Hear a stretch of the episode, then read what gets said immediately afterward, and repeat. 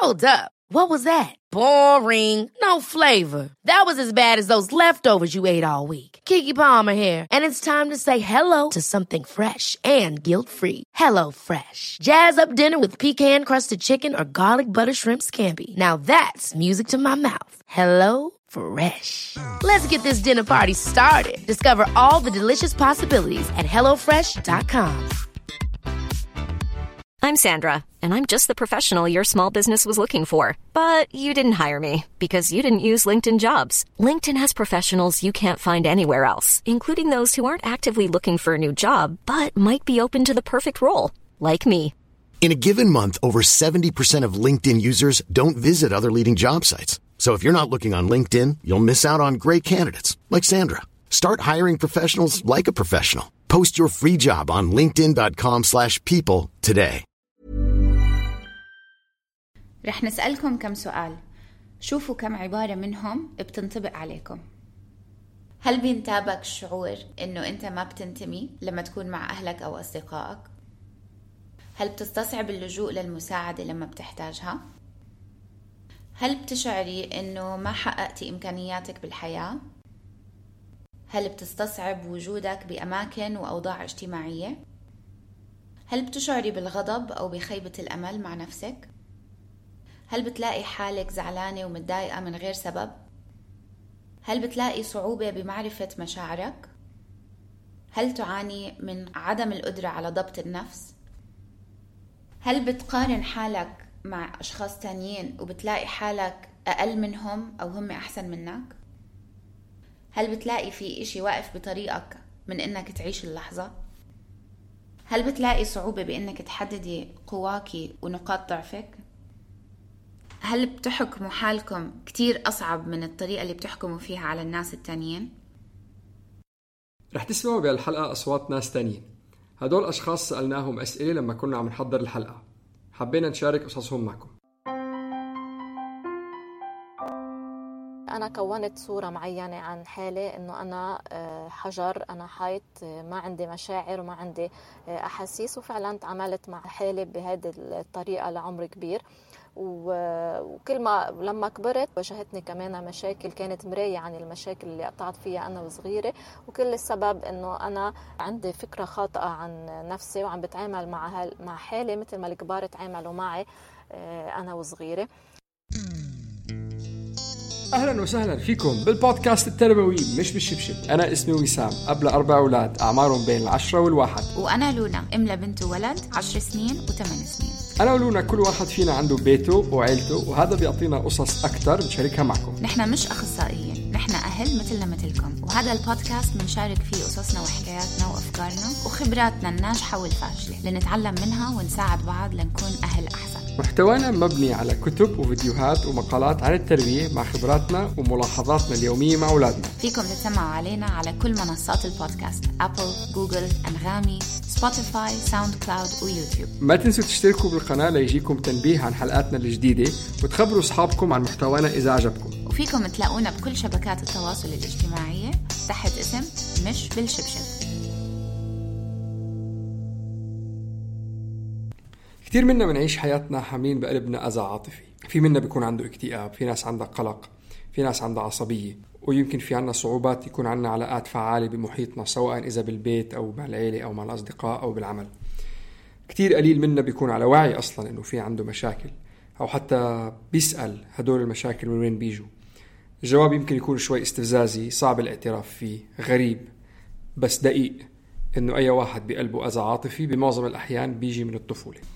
كيف كانت طريقة المعاملة معنا بصغرنا؟ عندها تأثير مش متناسب مع النتيجة عن كيف نحن بنحتك بمحيطنا كناس كبار. يعني يمكن أهلنا يكونوا عم بيعملوا شغل كتير بوجهة نظرهم تكون بسيطة بس على تكرار وعلى مدى الأيام التأثير علينا بيكون كتير كبير. أكثر شيء كلياتنا بنحتاجه هو إنه يكون عنا أهل متجاوبين. شخص مسؤول بيدير باله على احتياجاتنا بحساسية وبلطف. مش بكل الأحيان بيكون في أذى معمول عن قصد. في أهل على طبيعتهم ما بدهم غير الخير لأولادهم بس بيأذونا بطرق هم مش عارفين إنه إحنا عم نتأذى. هذا مش بس بيحدد حياة الطفل بس كمان بيقدر ينقذ حياته. يمكن تحسوا إنه الموضوع بسيط ومش كتير صعب. بديهي. بس من غير هذا الحب المتجاوب يمكن نكون مجروحين كل العمر. اليوم رح نحكي عن موضوع الإهمال العاطفي بالإنجليزي emotional neglect. هذا الإهمال العاطفي عند الأطفال اللي هو زي التجاهل أو الاستخفاف بأفكارهم وبمشاعرهم. الإهمال العاطفي للطفل نوع من التعنيف العاطفي. في أنواع طناش تجاهل إذلال الطفل تخويفه عزله. وكيف الإهمال العاطفي كان بصغرنا إحنا أثر علينا كبني آدمين وكيف إحنا عم نوجه نفس هذا الإهمال العاطفي لأولادنا بدون ما نحس وبدون ما نكون عارفين. فأهمية هاي الحلقة من وجهة نظري أنا هي من أهم الحلقات اللي رح نتطرق عليها لأنه الموضوع كتير بسيط حله بس بأنه الواحد يعرف أنه في إشي كتير صغير بيقدر يغيره بيقدر يعمل تأثير كتير كبير على مستقبل أولاده. فإذا إحنا اليوم ما انتبهنا لهاي الأخطاء الصغيرة اللي بتترك نتائج جسيمة على الأطفال رح رح كمان نرجع ننقل نفس اللوثة لأولادنا وللأجيال الصغيرة. عشان هيك كتير مهم الواحد يكون عنده وعي ذاتي ويفهم يعني يراقب سلوكياته ويفهم شو السياق اللي هي ماشي فيه وليه ومن وين إجت وكيف بيقدر يضبطها. بدنا نطرح عليكم كم من عبارة هيك يا أما حتلاقوا إنه أهلكم حكوها لإلكم وأنتوا صغار أو بتلاقوا حالكم أنتوا اليوم عم تحكوها لأولادكم ليه عم تبكي؟ أنت بيبي صغير؟ ليه عم تضحكي هالقد؟ كتير مبسوطة بحالك لهالدرجة؟ طب لشو كل هالمرقعة؟ حاج تنجلقي على الناس أنت رجال الرجال ما بيبكوا هاي علامتك مبسوط عليها طب شو علامات فلان وفلان بالصف يي ما تكوني هالقد حساسة هلأ بكرة بالحياة. إذا كنتي هالقد حساسة كيف بدك تتعاملي مع الناس؟ حاجة تنق. الموضوع مش مستاهل. الحياة مش عدل. تعود على الموضوع. بتعرف شو؟ أنت لازم تشوف قد إيه أنت محظوظ. في غيرك بالعالم لا عارفين لا ياكلوا ولا يشربوا. هدول لمحة بسيطة جدا عن الأشياء اللي الناس بيحكوها بتنبع من مشاعر داخلية بيفكروا إنه من وراها عظة أو من وراها لحظة تعليمية بس ما بتفيد الإنسان اللي عم بيسمعها بأي طريقة غير إنها بتشتت له دماغه ببطل يفهم مشاعره بحس بالذنب بحس بالخجل. مرة وما كنت كتير طفل صغير كنت مراهق نجحت بالفحص وفرحان بحالي يعني. ما جبت ال top top top top top يعني علامات. كان ناقصني شوي علامات ف اجى بابا بتذكر فات على البيت فأنا عم أقول له إنه هيك هيك وكذا. طلع فيني؟ قال لي فرحان بحالك يعني إنك هيك نجحت. فرحان بحالك. يعني يعني شو هالمعدل هذا؟ وكمان فوق من أنا فرحان بحالك؟ روح نمشي فكتير انكسرت هيك من جوا حسيت إنه العمى. طبعا ما كان معدلي سيء ابدا كنت من الأوائل على المدرسة. مثلا أنا بتذكر كثير منيح موقف. كنت عم ببكي كنت كثير مضايقة من شيء وسبب صاير شيء صاير معي بالمدرسة تقريبا كان عمري 12 سنة. فات بابا بتذكر على الأوضة طلع فيا قال لي آه عم تبكي. إيه خليكي عم تبكي. وظهر. هذا forget I cannot I can never forget this scene. آه، من جهة تانية كمان نفس الشيء بالنسبة للاكسايتمنت إنه أنا حدا كنت كثير to get excited about things و وصير عم بعبر وعم وعم مبسوطة نفس الشيء يقولوا لي إنه روقي روقي ما بيسوى هالقد إنه ما حلو الحماس هالقد إنه ما لازم تكوني هالقد مبسوطة. كان على طول في في ما كان في كيان أو ما كان في value ل لل emotions اللي أنا عم بمرق فيها. مبسوطة زعلانة. اللائحة اللي ذكرتها لونا كلياتها بتصب بقلب آه، شغلة بيسموها إهمال عاطفي. هلا في كثير دراسات حول موضوع إهمال الأطفال وأحد الاكثر دراسات مشهورة هو من دكتور من جامعة هارفارد اسمه إدوارد ترونيك in the still face experiment what the mother did was ويعتبر هذا الاختبار اللي هني بسموه اختبار الوجه الجامد أحد أكثر الاختبارات أهمية بموضوع الإهمال عند الأطفال. She sits down and she's playing with her baby who's about a year of age. الاختبار عبارة عن أم قاعدة مع بنت، بنتها عمرها سنة. الأم قاعدة عم بتلاعب بنتها، عم بتطلع وين البنت عم بتأشر، عم تتفاعل معها. بعدين بتلف وجهها لورا ترجع تطلع ببنتها بوجه جامد البنت بلحظتها بتنتبه إنه في شيء جديد عم بيصير مع إمها وبتحاول تنال اهتمام إمها بإنها تضلها تأشر على الشغلات اللي عم تأشر عليهم وتضحك لها وتبتسم لها بعد فترة من. الفترات بتصيري تشوف أثر انزعاج بوجه البنت. وبعدين بتبلش تبكي. والأم طول هالفترة ما عم تعطي أي ردة فعل.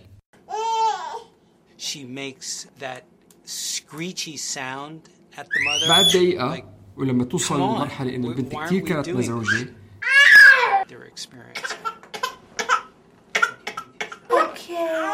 الأم ترجع تضحك لها تبتسم لها وبتقول لها ما تخافي هياني أنا هون.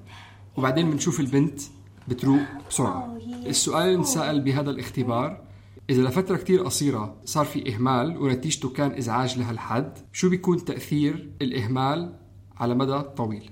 الإهمال العاطفي هو بنفس الوقت معناه بسيط جدا بس تأثيره للمستقبل جبار. الإهمال العاطفي بيصير لما الأهل ما يستجوبوا كفاية لاحتياجاتنا العاطفية هم وعم بيربونا. فالإهمال العاطفي غير مرئي ومش معروف لإلك أصلا بس هو عن جد زي القاتل الخفي للمشاعر. هلأ شو اللي بيخلي الإهمال العاطفي إشي غير مرئي ومش مذكور؟ في كم من شغلة بتأثر عليه. أولا الإهمال العاطفي عكس ما ممكن أنتوا تفكروا بيحصل بعائلات محبة عائلات مهتمة عائلات مش ناقصها إشي مادي. تاني إشي الأهل اللي بيهملوا إنه يردوا على العواطف تاعون أولادهم مش إشي بيحصل للطفل هو مش إشي عم بيصير هو بس إشي ما صار. فعيوننا لما ما تشوف الشغلة اللي ما صارت عقلنا ما بيسجلها.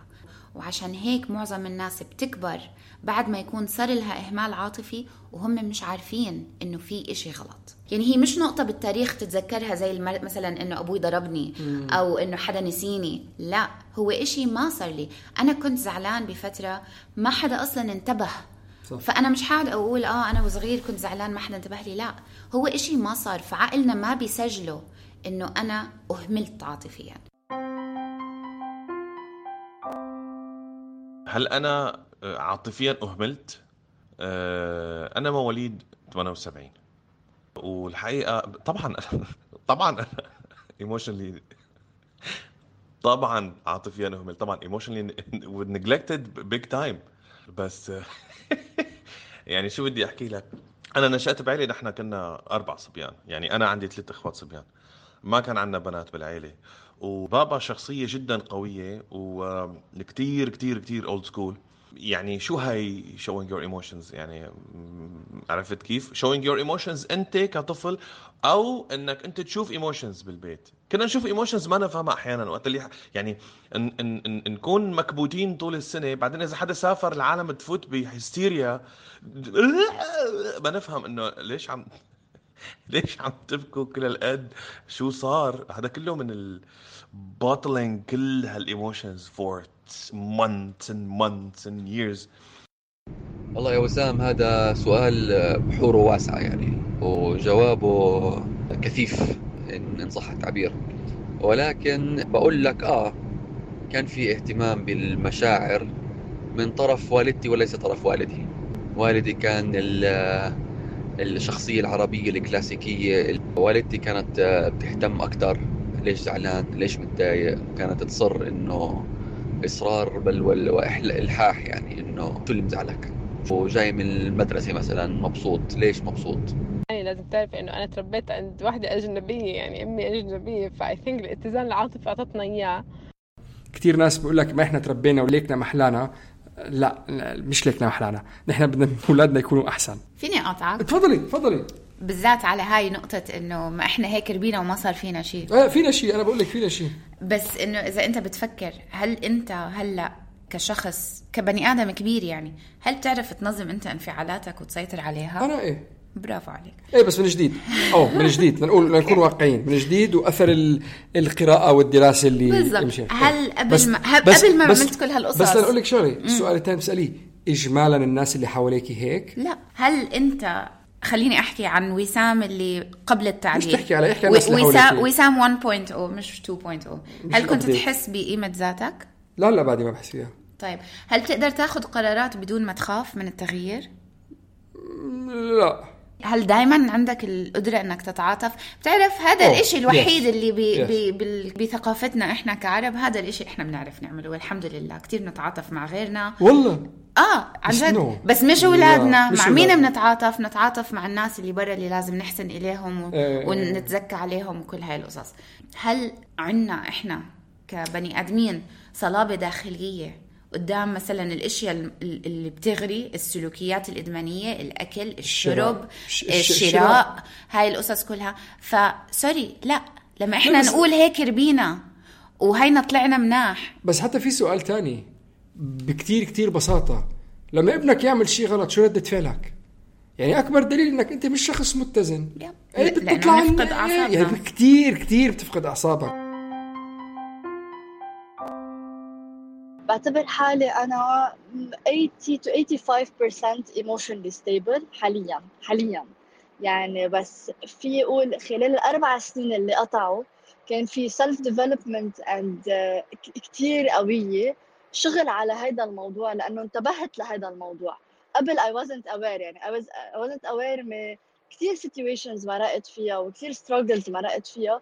ما أعرف كيف حلها افتكر حالي إنه أنا حليتها بالطريقة الصح أو بالطريقة المضبوطة بس apparently إنه لا ما كان هذا الموضوع. ليه؟ لأنه أنا based على تربيتي. في كان عندي suppression لا يعني لكتير emotions. I've never put put value لهيدي ال emotions لأنه اعتبرت إنه بما إنه أهلك عم بيعاملوكي بهالطريقة وما عم ما عم يعملوا لها كيان إنه أنا ليه بدي ليه بدي أكتشف إنه هذا الشيء مهم بحياتي؟ بأول مرحلة بلشت اكتشف التعبير عن المشاعر آه، من خلال آه، إني كنت عم راقب الناس. يعني كل ما أروح و- وإجي والتلاقى اتلاقى بناس آه، راقبهم شوف كيف هن بيعبروا عن مشاعرهم. حتى الكلمات اللي بتطلع منهم أنا ما كنت بعرف أقول كلمات آه، لها علاقة بالمشاعر. آه، فتعلمت من من مراقبة الناس آه، آه، صرت بقول آه، كلمات فيها تعبير عن آه، محبة أو عن آه، غضب إلى آخره. ولو ما من العلاج النفسي أنا بقول ما كنت آه، يمكن ما كنت عشت وما كنت اكتشفت آه، حالي وكنت قضيتها عم فوت من آه، من مهوار لمهوار عم بوقع بمطبات إلى أول ما إلى آخر. أنا برأيي إنه كتير في مشاكل بكتير ناس حوالينا لما يكون الواحد متضايق من شغلة ويفش خلقه بشغلة تانية. لما يكون الشخص اللي قدامك شاعر شيء معين وأنت ما عم تقدر تعطيه الكلمات المناسبة بإنك تروقه. لما اليوم أولادنا يكون عندهم مشاكل سواء كانت كبيرة أو صغيرة ونحن دائما تلقائيا بنصير نقول لهم إنه لا لا لا انسى الموضوع أو المشكلة مش كبيرة أو هذا مش هم تعال شوف نحن شو عم بيصير عنا.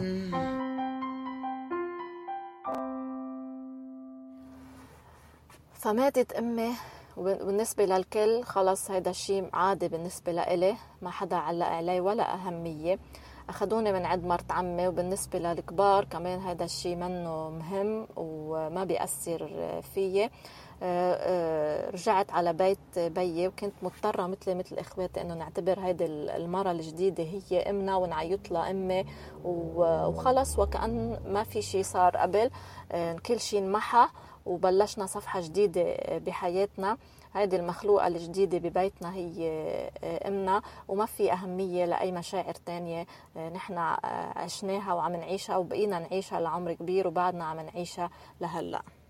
والمشكلة إنه إذا أنت دائما إن كنت مثل ما قالت لونا بأول حلقة زعلان أو مبسوط أو متضايق أو مزعوج أو خلك ضيق أو زهقان وكل مرة عبرت فيهم تجاه أهلك النتيجة كانت إنه طفس فكلياتها هي بتدل على واحد ما عنده ذكاء عاطفي ما عنده ما عنده ال... الإمكانية بإنه يفهم المشاعر سواء إن كانت مشاعره أو مشاعر غيره وكيف يتصرف فيها. والمشكلة بهذا الموضوع بتبين دائما لما الواحد يتواجه بمصيبة. لما يكون في مرض بالعيلة لما يكون بعيد من هون حدا توفى أو يصير في حالة طلاق أو يصير في تفنيش من الشغل هدول ال- الحقبات اللي الواحد بالحياة بيكون محتاج كل اللي اللي موجود براسه وبقلبه بأنه تقدر تمرقه من هالأزمة. بس الواحد اللي ما بيكون في عنده فهم لمشاعره وسيطر على مشاعره إنه راح يتفشش باللي حواليه يمين وشمال عالمه راح ينهار وراح تصير هي الحقبة الزمنية اللي مر فيها هي الشغلة اللي بتحدد حياته. إنه أنا اليتيم أنا اللي مطلق أنا اللي أرمل. بصير هذا الحدث عنوان حياته.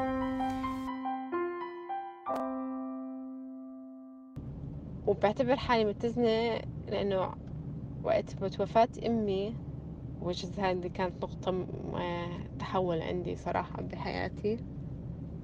آه، صح كانت صعبة بس قدرت أتخطاها. يعني تخطيتها الحمد لله. أنت اليوم مثلا لما تجيك بنتك عم بتدق على عصبك مم. مهما كانت عم تعمل لو عن جد إشي م- زنخ أو إشي عادي مم. وأنت بتقولي بدق على عصبك أو لو سألتك سؤال أنا عم بحكي عن أولادي مثلا مم. عم بسألك أنت بس عم بحكي عن أولادي لما يجيني ابني عم بيبكي إيش أول شعور بحس زي الإشي اللي عم بيغلي من جوا زي ركوة. القهوة اللي صح- حتفور صح صح صح ليه ما قد مش متعود ما بتفهم ما بتعرف شو المشاعر مش متعود تعمل لأني معها. بخاف مش عارفة شو أرد عليه. أنا كأم كان أكثر نقاط ضعفي ما أعرف شو أرد عليه. ما عندي اللغة ولا الثقافة إنه أحط م- شعور له معنى لغوي. فكان لما يجيني زعلان ومتضايق أول شيء لما كان صغير أبكي معه. ولما كبر شوي أعصب عليه أو نحكي إنه تانترمز. وقليل أدب ومش عارفة شو. طب هذا كله منبعه الإهمال العاطفي. نحن المغزى من هاي الحلقة بس لنكون واضحين مش عشان آه، نجرح أو ن... آه. نكسر بشو كيف تربينا. بكل بساطة هي بس عم نسلط ضوء على واقع عشناه وعم نحاول نطلع إذا في طريقة بديلة لإنه نتعامل مع الموضوع. يمكن يكون في كتير حكي عن الماضي بس هو بس عشان نحن نحسن عليه. إذا أنت مقتنع إنه هو منيح نحن بدنا نحسن عليه.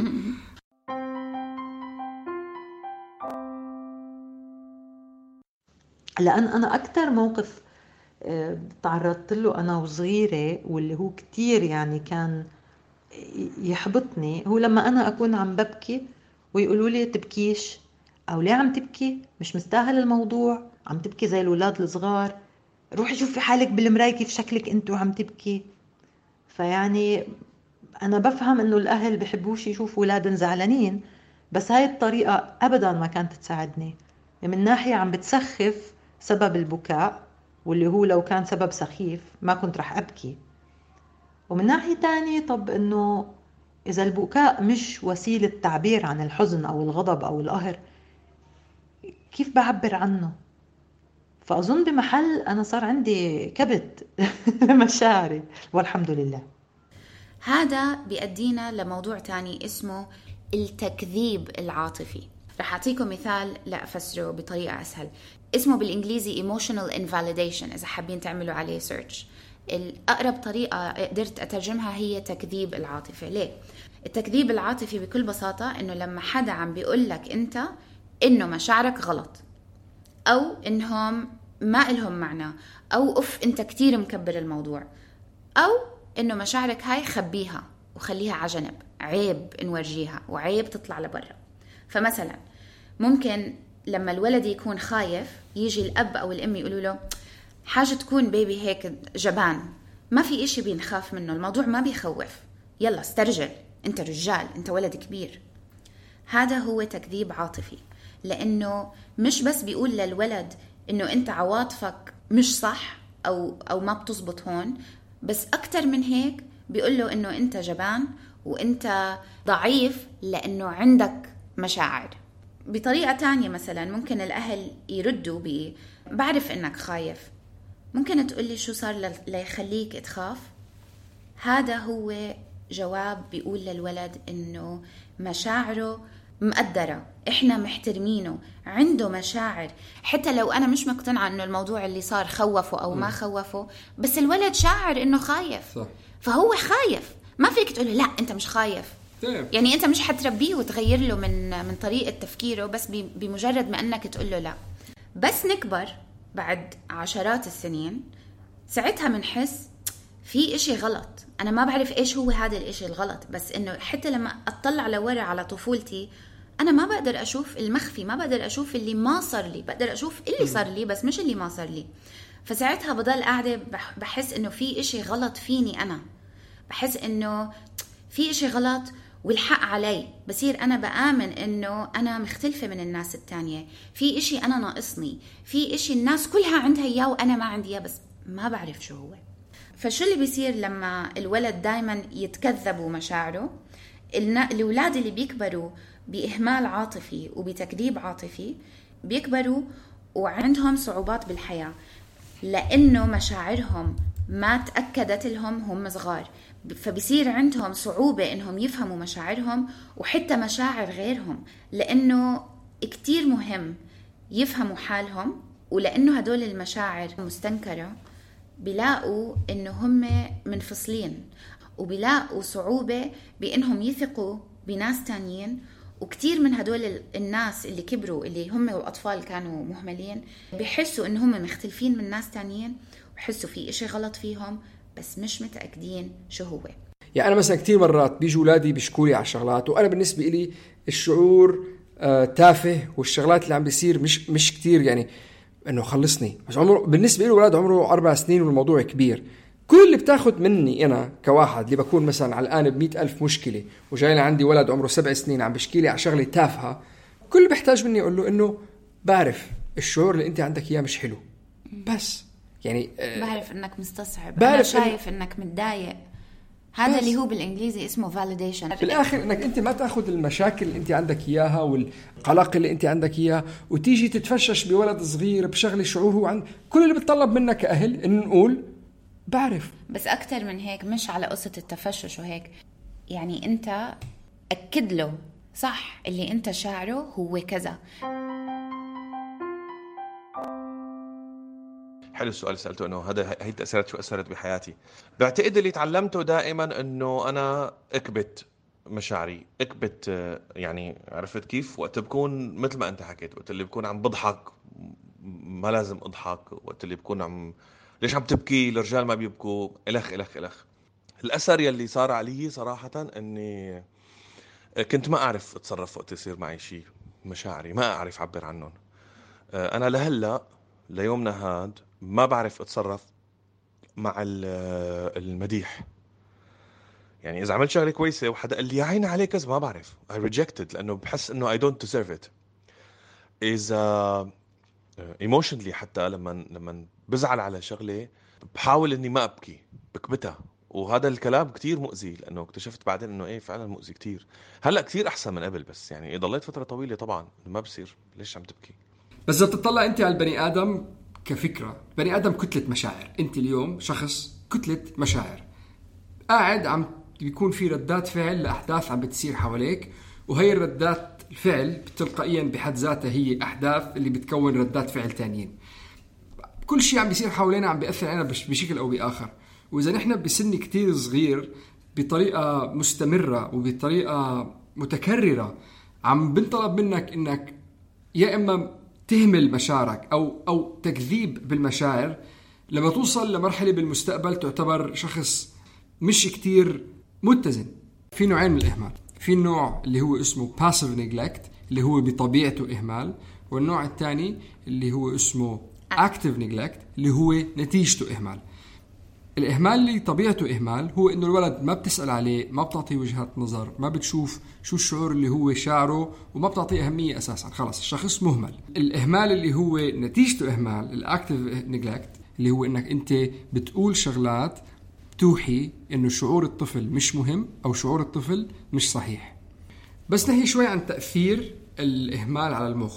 مثل ما حكينا بالحلقات السابقة في شيء بمخ الإنسان اسمه الأميجدلا أو اللوزه هي وظيفتها هي إنها تنتبه إذا في أي شيء بشكل خطر ولما تتفاعل بتخلي جسم الإنسان يعمل واحد من ثلاث شغلات يهرب يضرب أو يجمد بمحله. الولد اللي بيكون مهمل عاطفيا وذكرناها بحلقات ماضية كثافة الخلايا اللي بقلب الاميجدلا بتكون عالية لأن هي دائما مفعلة اثر الضغط النفسي اللي بيجي من الإهمال. هذا اللي بيخلي الشخص بالمستقبل يكون في عنده قلق أو يكون في عنده توتر عالي أو يكون في عنده خوف زايد. وهو بس نتيجة اميجدلا متعوده إنه تكون مفعلة دائما. هلا الأطفال بطبيعة الحال عندهم دائما عندهم بدهم يلعبوا بدهم يتسلوا عندهم حس الفضول وحس الفضول هو اللي بنمي فيهم حس الاكتشاف والتعليم. وإذا الطفل مش عم بيجي إدراك وتقدير وحب هذا حس الفضول رح يتراجع. كثير مرات الأهل اللي مهملين أولادهم بيستعملوا الذل والخجل لما الطفل يحاول ينال قبول أو حب منهم. وتدريجيا بصير الولد يفضل شعور الوحدة على إنه يحتك مع أهله. هو أثر أثر هي المعاملة. وحادثة صغيرة كمان من ضمن الأحداث اللي بقيت هيك مأثرة فيي آه، إنه أنا من أنا وصغيرة كنت بحب أرسم واعمل أشتغل أشغال يدوية. كنت أشتغل هيك بالورق وأعمل كتير تفاصيل. فكله كان يروح آخر شيء على الزبالة فكتير كان آه، تعز عندي الدنيا إنه كل شيء أنا عم بعمله عم بيروح على الزبالة ويختفي هيك بلمح البصر مع إنه يكون كان آخذ مني وقت وجهد بكون مبسوطة فيهم. فكنت حس هيدي الأعمال هي أنا وكانه أنا اللي عم بروح على الزبالة. بس نرجع كمان لآثار الضغط أو آثار الستريس. مش بس الموضوع له تأثير بالذهن بس له تأثير جسدي. بس اللي أكثر من هيك إنه كمان هو آه، مركز نظام التحكم بالمشاعر بنبع من الأميجدلا اللي هي اللوزة اللي بتكون مسؤولة على تحديد الموقف إذا كان خطر أو لا. حكينا عنها كثير مرات. من خلالها الواحد بيحلل وبيعالج العواطف. وكثير منها أساسية مثل الحب الكره الشهوة والخوف. فإذا الأميجدلا دائما مفعلة ودائما أنت محطوط بموقف فيه تعنيف وهو إهمال نوع من التعنيف الأميجدلا بتضلها مفعلة. وهي مربوطة بعدم القدرة من إنه الواحد يقدر يحلل تحليل منطقي أو يقدر الواحد يفهم العواطف. وبتكون مش مشكلة بالمستقبل إنه الشخص يعلق أو ما يعرف يتصرف بعلاقة جارحة استغلالية فيها تعنيف. يعني اليوم أنت ولد عايش بهذا الجو اللي أنت أمك المفروض أنت بتحبها أو أبوك اللي هو المفروض يكون مصدر راحة عم يعطيك تعنيف أو عم يعطيك إهمال أو عم يعطيك شيء سلبي فبصير في تناقض هون إنه أنا لأ أنا هذا الشخص بحبه بس بكرهه بخاف منه بس بيريحني. فبتخلق جو بالمستقبل إنك تكون مربوط بقلب علاقه جارحه فيها تنمر سواء إن كانت اجتماعية بالمدرسة أو أو عاطفية بالبيت إنه جوزها عم بيضربها للمرأة مثلا أو أو مرأة عم تضرب جوزها مثلا وأنت تتقبل هذا الشيء إنه إيه عادي ما أنا كنت صغير كانوا يضربوني في إنه عادي أنا أتقبل إنه أنضرب. Okay هلأ أنتم بتعرفوا قد إيه أنا بحب الكاتب دكتور دان دان سيجل. اللي هو حكينا عنه بأول حلقاتنا عن كتب كتاب The Whole Brain Child يعني هو اللي اللي اللي غير لي مفهومي بتربية الأولاد لأنه صرت أفهم العقل كيف بيشتغل عند الأولاد. وعنده رسمة كتير مبسطة بيحكي فيها على مفهوم رفض الشعور أو الفكرة أو حرمان الطفل إنه نحقق له من صحة مشاعره اللي قلنا هي عكسها هو تكذيب المشاعر. هذا المفهوم عند دكتور دان سيجل اسمه dismiss and deny. مفهوم dismiss and deny عند دكتور دان سيجل. إحنا حبينا نترجمه بإنه رفض ونكران مشاعر الطفل. هاي شغلة للأسف إحنا بنعملها كتير لأولادنا. مثلا ابنك وقع وسام وإجا يبكي وبشكي لك. فابنك بيقول لك أنا وقعت وركبتي مجروحة. فأنت شو بترد عليه؟ ما تبكي معلي ما تزعل انت منيح ما مالك شيء. المرة الجاي انتبه صح؟ مش هذا جواب كثير منا بيحكيه جواب عادي. الكتاب هون بيشرح بكتاب The Whole Brain Child بيشرح أهمية تسمية المشاعر وإعطائها الأهمية لما أولادنا بيلجأوا لنا. ال concept هذا عنده اسمه to tame it أو سميه لتروضه. Okay؟ لما تسمي الشعور ال amygdala اللوزه اللي دائما بنحكي عنها اللي بتتفعل هاي وبتعلي لنا ال stress على طول لما الولد يحس إنه انفهم أو إنه لاقى كلمة لمشاعره بيهمد. هلأ طريقة تانية الطريقة اللي هو بيشرح لنا إياها كيف إذا ابننا وقع شو نقول له؟ وهو بيرسمها ب comic يعني حلو تقروا الكتاب أو تعملوا research عن دكتور دان سيجل على الإنترنت بيطلعوا لكم هدول الصور. الولد بيقول لأمه أنا وقعت.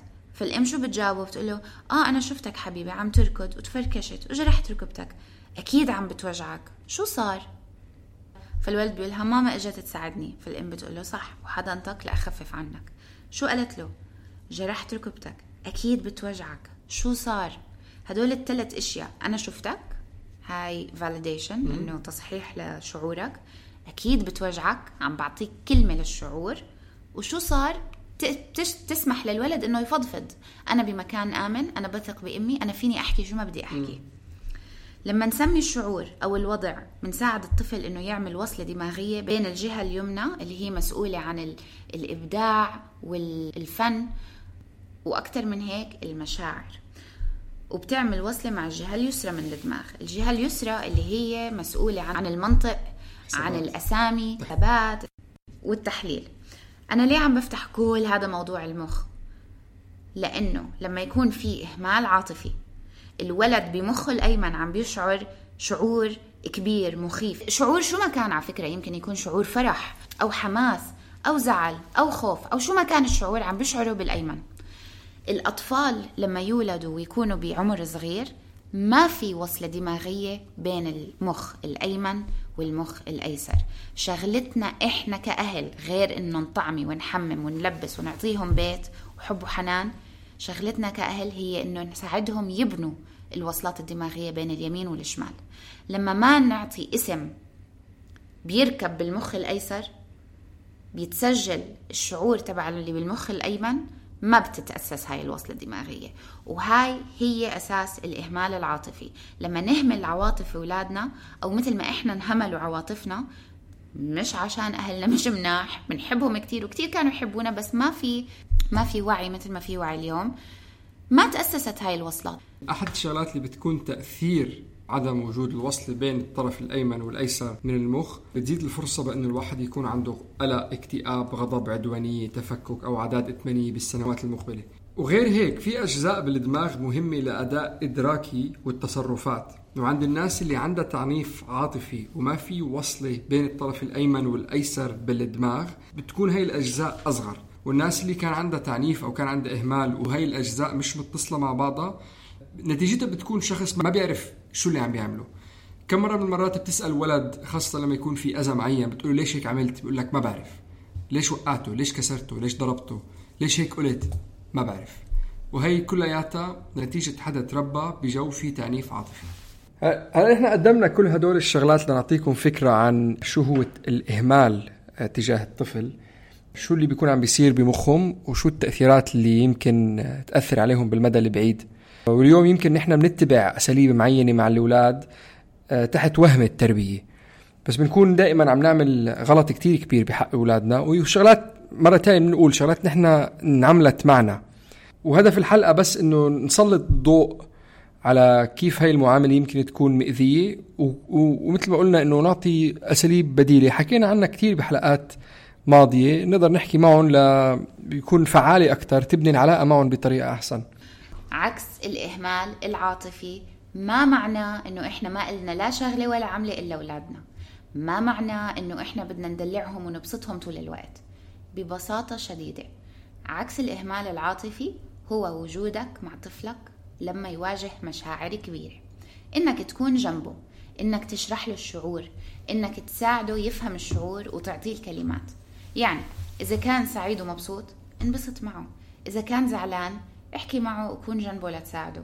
إذا كان عم يبكي بتقول له معلش البكا مسموح وإحنا منحبكم ورح نضل جنبكم ومنشارككم ألمكم مهما كان إنه الشغلة اللي عم بتمروا فيها إشي صعب. الموضوع هو أهم إشي إنك تدرك مشاعرهم تقدرها تورجي الاحترام مش إنك ترفض وتنكر الشعور اللي عم بيعطوك إياه. عكس الإهمال العاطفي مش معناه حياة دايما سعيدة بالعكس. إحنا بدنا أولادنا يفشلوا وبدنا إياهم يجاهدوا ليفلحوا وبدنا إياهم يمروا بصعوبات الحياة.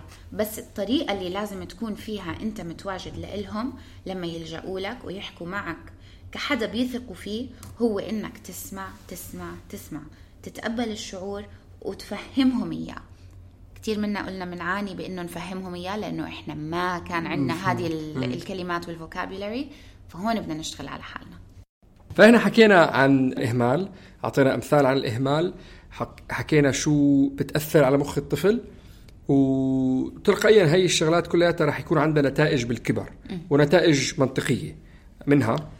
منها أول وحدة بيصير في مشاكل بالترابط والعلاقات المستقبلية تبعت الطفل اللي انهمل. يعني ما رح يقدروا يتواصلوا بشكل صحي وطبيعي مع الناس اللي بيتعاملوا معاهم أو الناس المهمة لإلهم. النقطة الثانية إنه كمان مثل ما حكينا بصير معاهم مشاكل تطورية وتعليمية. ثالث إشي بصير عندهم مشاكل صحية ذهنية من اكتئاب وقلق أو مشاكل بالأكل وما شابه. رابع إشي ممكن يصير يصيبهم يعني بعيد من هون الانتحار. خامس شيء الإدمان. والإدمان مش ضروري إنه إدمان مخدرات ممكن يكون أي شيء مخدرات كحول أكل آه مشتريات. هي سلوكية الإدمان. إيه إيه. بيكون عندهم مشاكل سلوكية. سابع شيء بيكون عندهم عدوانية ومشاكل قانونية وثامن إشي مشاكل صحية جسدية.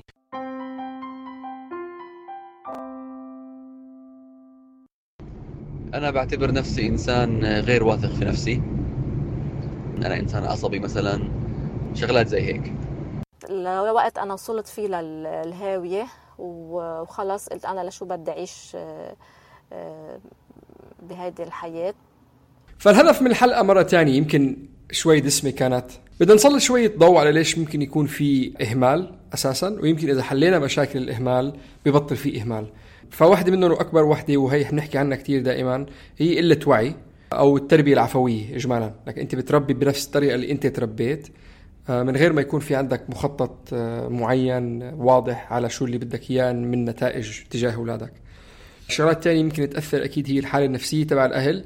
كثير مرات بيكونوا الأم والأب واجهوا شيء صعب بحياتهم وبيكونوا كتير أمثال وكلياتنا بنقدر نعطي لائحة طويلة عن الناس مش مؤهلة أصلا إنها تكون هي أم أو أب أو بيكون في تعنيف بالبيت. أو حتى مش بس هيك بيكونوا هم هلأ بهاي الفترة اللي هم عم بيمروا فيها مارين بضغوطات نفسية وعملية ومادية بحياتهم بتأدي إنهم يعاملوا الطفل بهاي الطريقة وهن مش واعيين. نرجع لنقطة الوعي. صح. فمش ضروري إنه ال... يعني ممكن تكون أنت أهلك كانوا أحسن ناس بس هلأ أنت عم تواجه ضغط. انتبه على حالك. الشغله الثانية اللي بيكون ممكن يكون في تعنيف بالبيت فبالتالي بما إنه العلاقة بين الأم والأب مش علاقة صحية بيصير في إهمال آه تجاه الطفل ومش بالضرورة تعنيف يكون تعنيف جسدي يمكن يكون في تعنيف لفظي تعنيف عاطفي مثل الأمثال اللي أعطيناها وهذا بيأثر على الطفل. آه وأحد أكبر مشاكل وأنا برأيي هي أك... يمكن لازم كنت أقولها وحده اللي هو الاعتماد المفرط على الشغالة. آه للأسف في عنا مشكلة اجتماعية كتير كبيرة إنه كتير ناس اليوم بيتكلوا على شغالات بكتير شغلات. بفكروا إنه الإبن عم بيجيب الاحتياجات العاطفية اللازمة. بس مرارا وتكرارا وكتير ناس إذا بتحكوا حتى مع مدرسين بالمدارس بكل بساطة بيقدروا يقول لك مين هن التلاميذ اللي هن عندهم عندهم إهمال ومين هن التلاميذ اللي اللي عندهم إدراك وعندهم اهتمام. وكله مربوط بالفترة الزمنية اللي الولد بيقضيها مع الشغالة. نعرف إنه الأم بتشتغل والأب بيشتغل وبيرجعوا على البيت تعبانين. وبيقولوا للشغال قومي نزلي على الملعب بيعملوا الصبح مع الشغال وبالليل مع الشغال وبتفيق وبتنيم وبتحمم وبتشطف وبت... فبيطلع بالآخر الولد يعني مهمل. الشغالة ما راح تعطيه الإدراك العاطفي اللي بده إياه. وبطبيعة الحال أحد آثار الإهمال هو الوهم عند الأهل إنه إذا أنا عم بعطي ابني كل شيء مادي فبالتالي أنا بغنى إنه أعطيه أي شيء ثاني واحدة من الحلقات اللي حكينا عنها اللي هي ثم أبوك لما كنا عم نسأل ناس معينين إنه هل أبوك كان متواجد؟ واحد منهم قال لا أبوي كان دائما متواجد كان يرجع البيت بكير كنا نشوفه دائما بس أحد الشغلات اللي هو ما كان متواجد فيها هي عاطفيا. فما فما تفكروا إذا أنا تعبان وجاي من الشغل والام تعبانة أو الأب تعبان جاي من الشغل ونحن ما عندنا وقت لأنه نحن عم عم نتعب عشان نعطي لابننا حياة أفضل وفرص أفضل بمعظم الأحيان بالمستقبل هذا الشخص لما يكبر ما في حدا رح يقول الحمد لله أنا كنت لابس صباط حلو بصغري أو الحمد لله أكلت أكل صح. طيب بصغري أنا بقدر أقول اليوم على حالي كثير عشت حياة مرتاحة بس المشاكل اللي أنا عم بواجهها اليوم بحياتي المدرسة اللي رحت لها والثياب اللي كنت لابسها والسفرات اللي سافرتها والبيوت الحلوة اللي عشت فيها ما عم بتساعدني. لأنه في عيال أنا I know people حتى شباب وصبايا أصغر مني بس they are emotionally stable وحياتهم كثير فرقت. يعني they didn't have to go into struggles to find out that they had a problem with this. إنه كان في value لل emotions كان في يعني emotional intelligence بالنسبة لهم هو built in. إحنا هلأ we're developing our emotional intelligence. no هن uh, based على ال stability بالعائله based إنه أشخاص uh, في يقول أهلتهم كانوا عم يتعاملوا معهم إيه عم مثلا زعلان بيسألوه ليه زعلان؟ بيحاولوا يحسوا يفهموا معه. كل ما عم نكبر كل ما عم بيزيدوا مشاكلنا. بينما إذا نحن عالجنا وتعلمنا نعالج هدول القصص من نحن وصغار we won't get this shock in the future. وإذا أنت اليوم تعرضت لأي نوع من التعنيف سواء كان عاطفي أو غير عاطفي سواء كان بالطفولة أو من جديد. اعرفوا إنه في حل لكل المشاكل وفيكم تبتعدوا عن الناس المؤذية. حتى لو كانوا أهلكم أمكم أبوكم أختكم حماتكم حتى جوزك أو مرتك. والطريقة إنكم تلاقوا المساعدة الحمد لله عنا الإنترنت. اقروا شوفوا اسألوا ما تستحوا الكل بيستحق المساعدة. وما فيها إشي غلط إنه نلاقي المساعدة اللي بنحتاجها. المشوار رح يكون طويل وصعب بس نفسك المستقبلي رح يشكرك وأهم من هيك أولادك بالمستقبل رح يشكروك.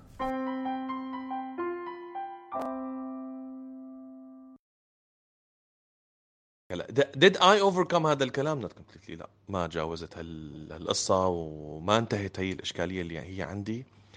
وإنما في شغلات بالحياة علمتني أهمية التعبير عن مشاعري وأهمية إني أنا كمان بادر بهذا الموضوع كون كون برو اكتف يعني أنا مثلا بناتي كيف أتعامل معهم بهذا الموضوع وما أهملهم عاطفيا.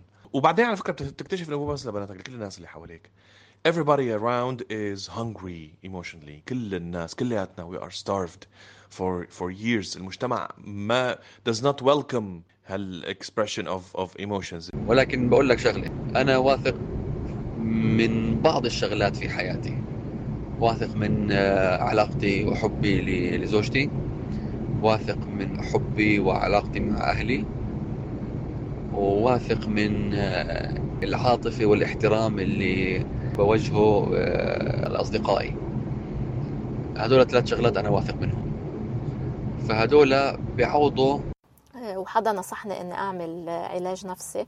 من وقت ما بلشت بالعلاج وبلشت واجه كل ال- الأمور اللي صارت معي وأفهم علاقة ال- الحاضر بالماضي وقتها بلشت أتحسن وصار عندي إرادة إنه أنا بدي أعيش وبدي واجه وبدي كفي. هلأ أنا شخصيا حاليا ما بآمن بال بالتوازن الكلي يعني أصلا ما بآمن بالكمال. آه، بس بقول إنه أنا كل يوم أحسن من اليوم اللي اللي قبله. آه، كل يوم عم بتواصل بشكل أفضل مع حالي ومع مشاعري ومع ال- الناس المحيطين فيي ومع ال- الحياة بمعناها الكبير بشكل عام. حابة أختم بإشي واحد فيكم تاخدوه معاكم عشان تقدروا تطبقوا موضوع إنه ما تهملوا الأطفال عاطفيا بكلمة واحدة. مرقت علي على انستغرام هديك اليوم بالإنجليزي إنه كلمة compassion تعني to suffer along with إنك تعاني مع اللي قدامك. فقلت أكيد إحنا لغتنا العربية رائعة وأكيد عنا كلمة أحسن من هيك. وهي كلمة واحدة التعاطف. اللي هي أصلها من العطف والعطف معناته الميلان. التعاطف إنك تميل بالرحمة تجاه حدا قدامك. شكرا كتير لاستماعكم. نرجو إنه تكون حلقتنا عجبتكم. تقدروا تسمعونا على Apple Podcast باسم مش بالشبشب Google Play SoundCloud انغامي Spotify وهلأ يوتيوب. اسألونا أسئلتكم. دائما بنحب نتواصل معكم. الإيميل مش بالشبشب at gmail.com أو اعملوا لنا direct message على انستغرام at مش بالشبشب اعملوا لنا subscribe عشان يوصلكم تنبيه لما نحمل حلقة جديدة.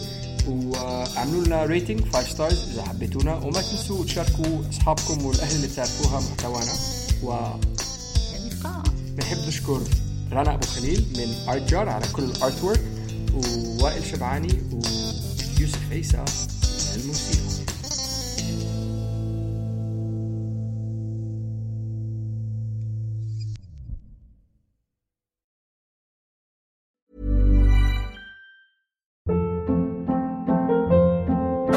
Hold up. What was that? Boring. No flavor. That was as bad as those leftovers you ate all week. Kiki Palmer here, and it's time to say hello to something fresh and guilt-free. Hello Fresh. Jazz up dinner with pecan-crusted chicken or garlic butter shrimp scampi. Now that's music to my mouth. Hello Fresh. Let's get this dinner party started. Discover all the delicious possibilities at hellofresh.com. Imagine the softest sheets you've ever felt. Now imagine them getting even softer over time. That's what you'll feel with Bowl and Branch's organic cotton sheets. In a recent customer survey, 96% replied that Bowl and Branch sheets get softer with every wash. Start getting your best night's sleep in these sheets that get softer and softer for years to come. Try their sheets with a 30-night guarantee. Plus, get 15% off your first order at bowlandbranch.com. Code BUTTERY. Exclusions apply. See site for details.